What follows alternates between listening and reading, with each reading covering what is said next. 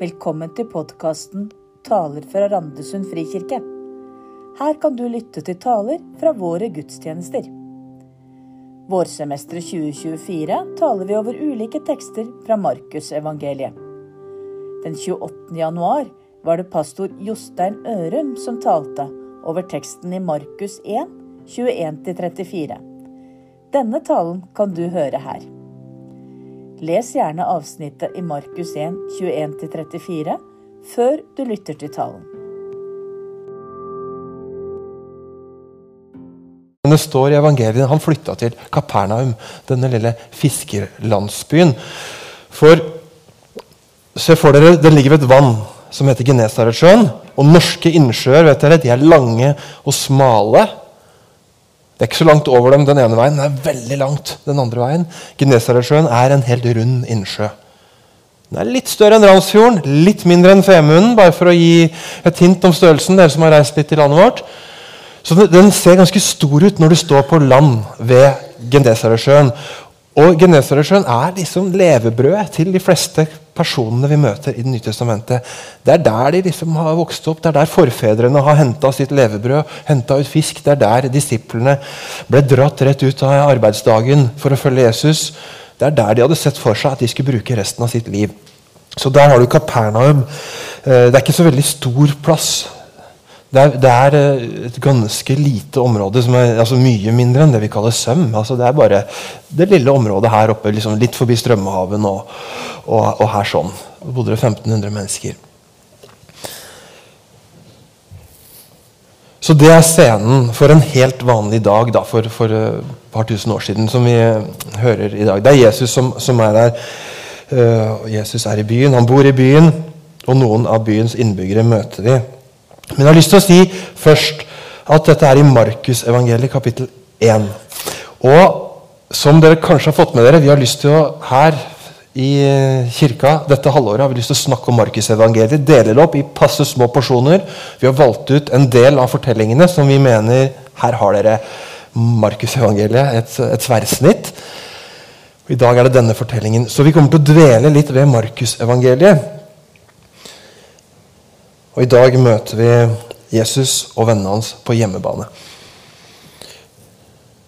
Og så møter vi Jesus, og så møter vi en annen person som, som, blir nevnt litt spesielt. og Det er han som heter Simon på dette tidspunktet. Simon Jonassen, eller Simon, sønn av Jonah. Han skulle få et annet navn etter hvert. Peter kjenner vi han bedre som, men han, er, han, han er en, sånn, har en rolle her. Og jeg syns at når vi leser Markusevangeliet, så er det ekstra, ekstra gøy, ekstra interessant å stoppe litt ekstra opp når Simon Peter kommer på banen. Fordi Jeg skal forklare hvorfor jeg i hvert fall syns det er interessant. For Markusevangeliet det, øh, det, det står jo ikke hvem som har skrevet det i Bibelen. Sånn som det, I Paulus brev så står det 'Jeg, Paulus, skriver til dere i Korint' og sånn og sånn. Men evangeliene gjør det ikke sånn. Men veldig tidlig så ble det en sånn at alle trodde i den første kirken at det er Markus som skrev det. Johannes Markus, en ung mann i Bibelens handling som kom fra Jerusalem. Han hadde sett litt av hvert i ungdomstida, for moren hans, Maria, eide det huset som de kristne pleide å samles i Jerusalem. Som vi kan lese om flere ganger i apostelgjerningene, at de, de første kristne de dro til Marias hus. Så der skjedde en del. Så han var en ung gutt og så en del ting som skjedde da i den første kirke. Så står det etter hvert i Bibelen at han reiste på tur. Første misjonsreiser sammen med Barnabas og Paulus.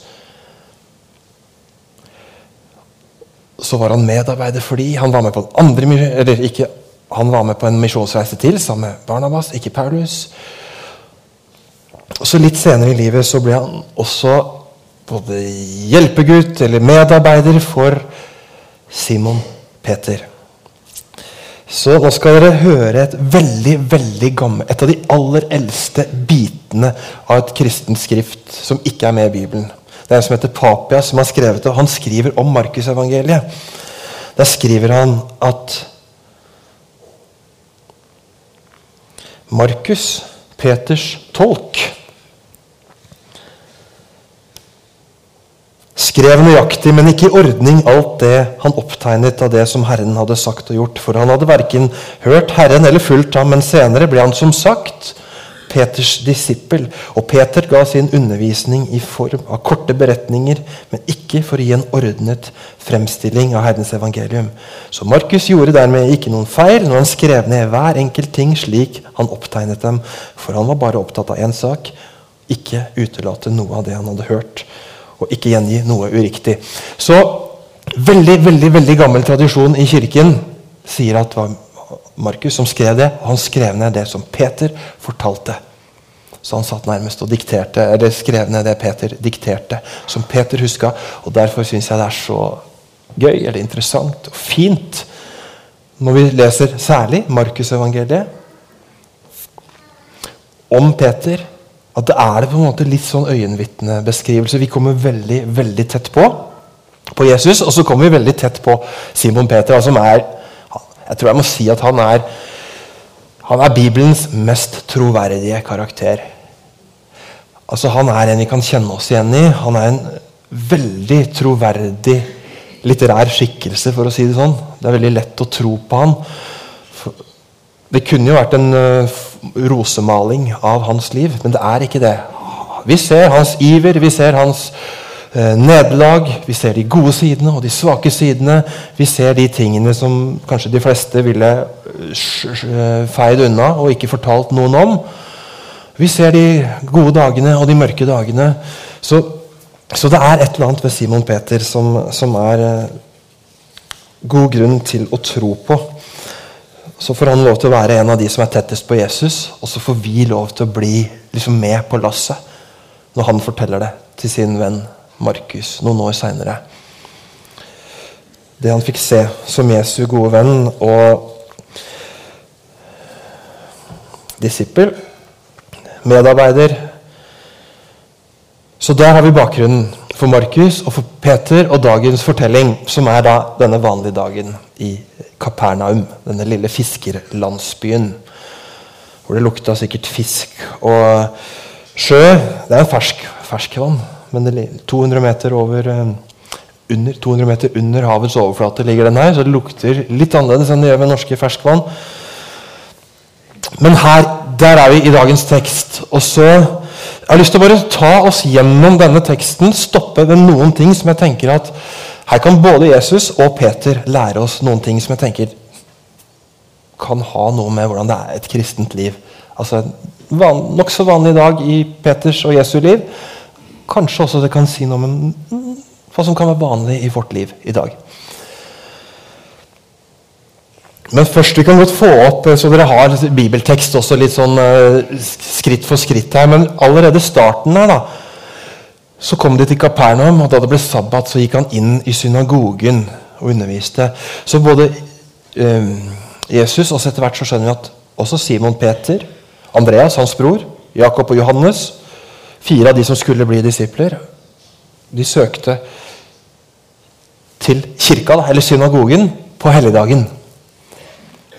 Sånn som dere har gjort nå. De søkte til Guds hus, de søkte til fellesskapet, til gudstjenestefellesskapet for å uh, få um, altså undervisning, som det står at Jesus ga. Og de ba, Vi vet jo at de ba sammen. Vi vet at de satt omtrent sånn som vi sitter, kanskje, skulder ved skulder sammen med noen andre. De reiste seg kanskje og sa ut troen sin, sånn at de kunne føle at vi, vi, vi står ikke aleine med denne troen. Så, så, det har alltid vært en viktig del av de kristnes liv, da og nå i 2024, å søke til fellesskapet av de andre som tror på helligdagen. For oss søndag, for de var det en lørdag. Så jeg tror fortsatt det går an å si at det er en viktig, det er en vanlig ting i det å tro på Jesus og leve dette livet her. Søke fellesskapet, samlingsstedet og dele tro sammen med andre. Det gjør Jesus, det gjør Peter, det gjør vi. Det vil vi gjøre. Så det var det ene. Det andre er Neste halvdel er at uh, noe som er så typisk for Jesus når han er i en forsamling, han er i en menneskemengde. Her, synagogen i Kapernaum. Og så Bare følg med alle andre steder Jesus er, så er det en gruppe mennesker. Og så ut av denne forsamlingen, så kommer det ett menneske. Så ser Jesus det ene mennesket i denne gruppa. Og I dette tilfellet her så er det en mann med en uren ånd som setter i å rope. Og så vender Jesus oppmerksomheten mot denne mannen.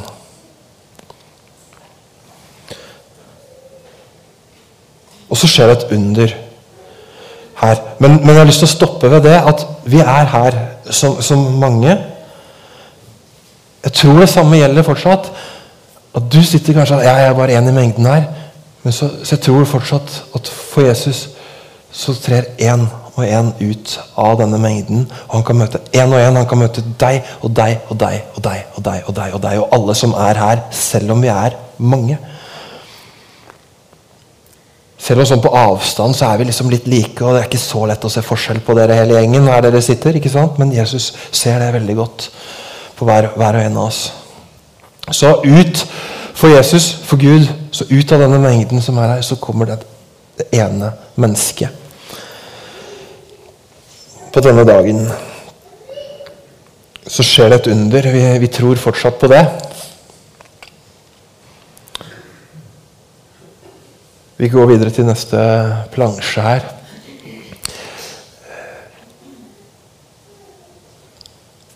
Siste setningen. Ryktet om ham kom straks ut overalt i hele Galilea-området.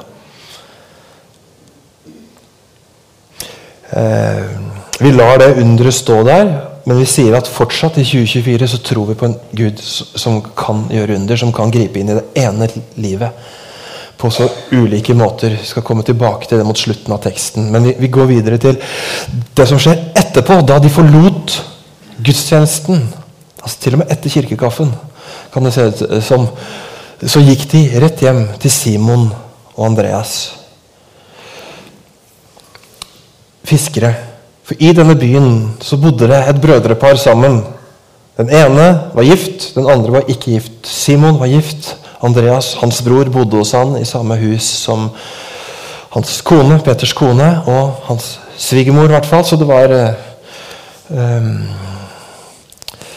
Det var en liten flokk, en litt sånn halvveis utvida kjernefamilie her, som bodde. Og Jesus blir med dem hjem. Etter at de har vært i fellesskapet, så blir han med hjem til de som har vært der.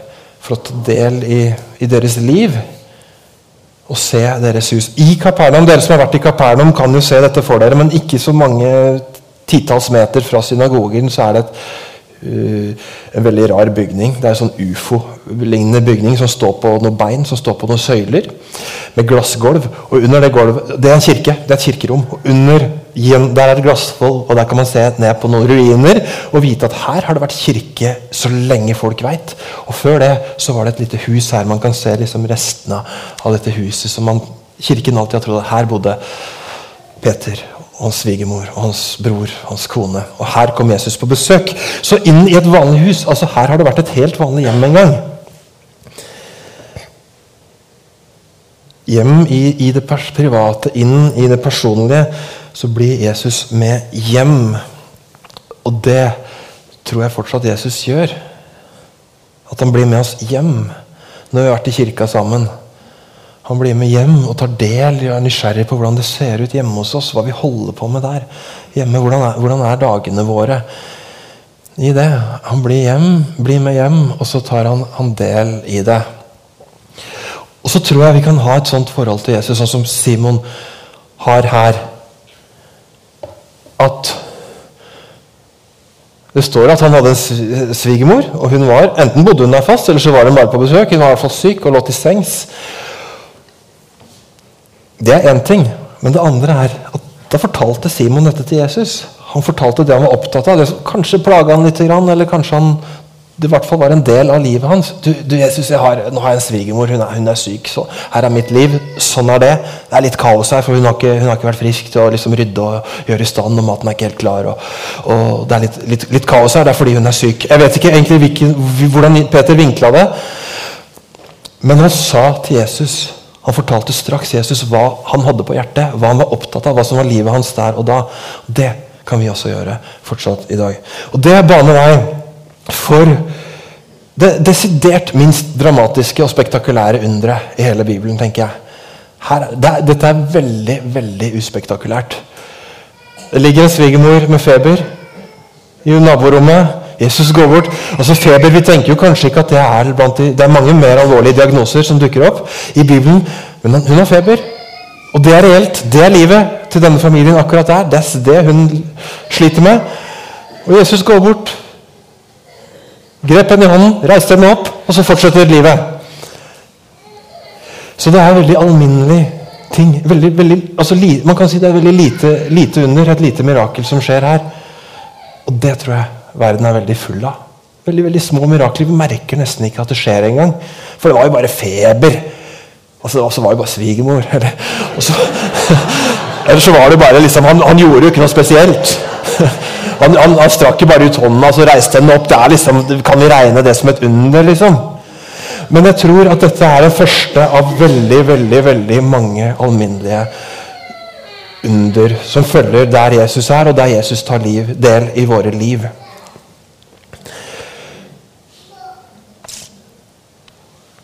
Hverdagsgud og hverdagsting skjer. Og så har jeg også lyst til å si det som skjer. Jeg syns det er litt det er litt meningsfullt, den siste bisetningen. Feberen slapp henne. altså Jesus har reist henne opp. Feberen slapp henne. Og da stelte hun for dem. Jeg vet ikke om jeg drar det litt langt her, men jeg tenker det vi får av Jesus, det Jesus gjør for oss, det gjør han jo ikke bare for at vi liksom skal kose oss og ha det bra og liksom maksimere vår egen lykke. Men når Jesus gir oss noe, så kan vi gi det videre på en eller annen måte. Enten det vi har fått, eller det Gud gjør for oss. Sånn som i dette tilfellet. Hun blir frisk, og hva gjør hun da? Jo, da er hun frisk nok til å stelle for andre, til å tjene andre. Til å gjøre godt for andre mennesker. Det kan godt hende Jesus hadde gjort henne frisk uansett, det har jeg ingen anelse om. Men med en gang så begynner hun å gi videre. 'Nå er jeg frisk nok til å være noe for dere.' Så det vi har fått, det kan vi gi videre.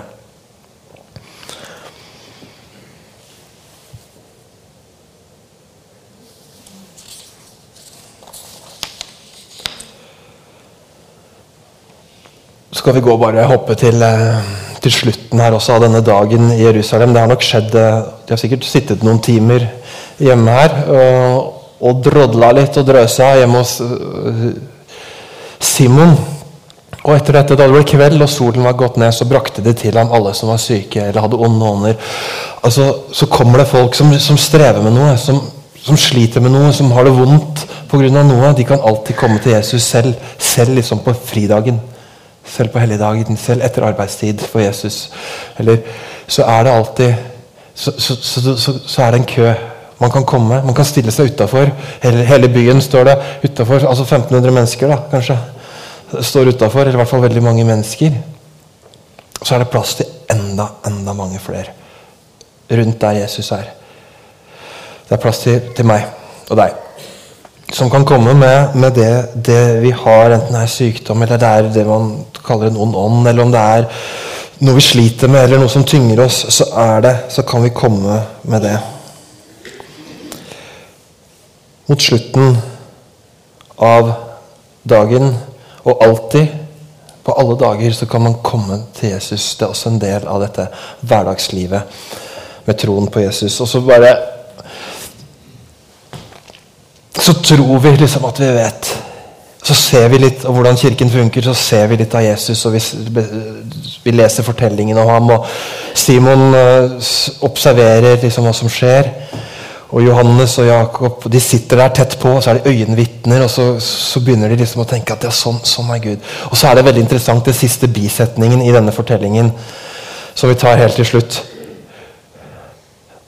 Det står om disse åndene, en virkelighet som er litt fremmed for oss. Men jeg, jeg synes jeg bare, det får meg til å tenke litt når det står at han drev ut ånder, men, ånder, men han tillot ikke de onde åndene å si noe, for de visste hvem han var. Underforstått menneskene. Simon, Peter, Andreas, svigermor, kona til Peter, Jakob, Johannes. De ser en del, men det er en god del de ikke ser også. Det er en god del et menneske ikke kan se av hvem Jesus er. Det er alltid det. Samme hvor tett på vi er. Selv om på en måte Jesus sitter der i vår egen stue og vi har akkurat sett et mirakel, vi har vært og hørt undervisningen hans, så er det en god del mer vi som mennesker ikke kan se av Gud. Vi kan se litt etter litt, tror jeg. Og Det er også en del av det å leve et hverdagsliv med Jesus, at vi får aldri alt. Vi ser aldri alt, for det er alltid mer. Uansett hvor mye vi ser, så er det mer å se. Og åndene de visste hvem han var, og disiplene og vi, vi, vi har en anelse. Vi har kanskje en større anelse i 2024 enn vi hadde i 2020. Kanskje Kanskje vi har sett mer, lært mer, erfart mer. Men så er det alltid mer. Jeg tror det.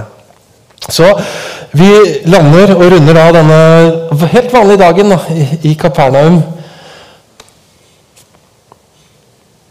Sammen med Jesus og sammen med Simon, en person vi kan gå sammen med, identifisere oss med, kjenne oss igjen i. Og så kan vi bare for å oppsummere noen punkter. Hva kan vi lære av denne vanlige dagen? Vi kan jo lære å gå til gudstjeneste på helligdagen. Søke fellesskapet. Vi kan lære altså vi kan, og aldri glemme at ut av mengde så ser alltid Jesus den ene, den enkelte. Vi kan tro som kristne tro at Jesus vil bli med meg hjem også. Han vil gå sammen med deg hjem også og ta del i det livet ditt. Så kan vi lære av Peter å fortelle Jesus det som altså, Om svigermoren din er syk, eller hva det enn du, er, du, du strever med, så kan vi fortelle det til Jesus. Og så hører han, og så vet ikke vi hva som skjer. Men vi kan i hvert fall fortelle det. Til han som tar imot alle som står i kø, som flokker seg rundt han med det de lider av og strever med.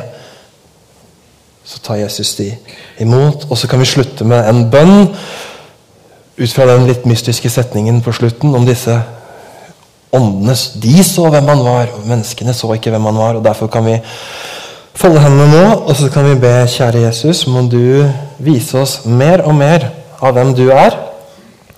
Lære oss mer og mer av hvordan det er å leve med deg, og hvordan det er å trå i dine fotspor. Åpne våre øyne så vi ser at du går sammen med oss hjem fra kirka i dag og alle dager, så lenge vi er til i all evighet. Amen.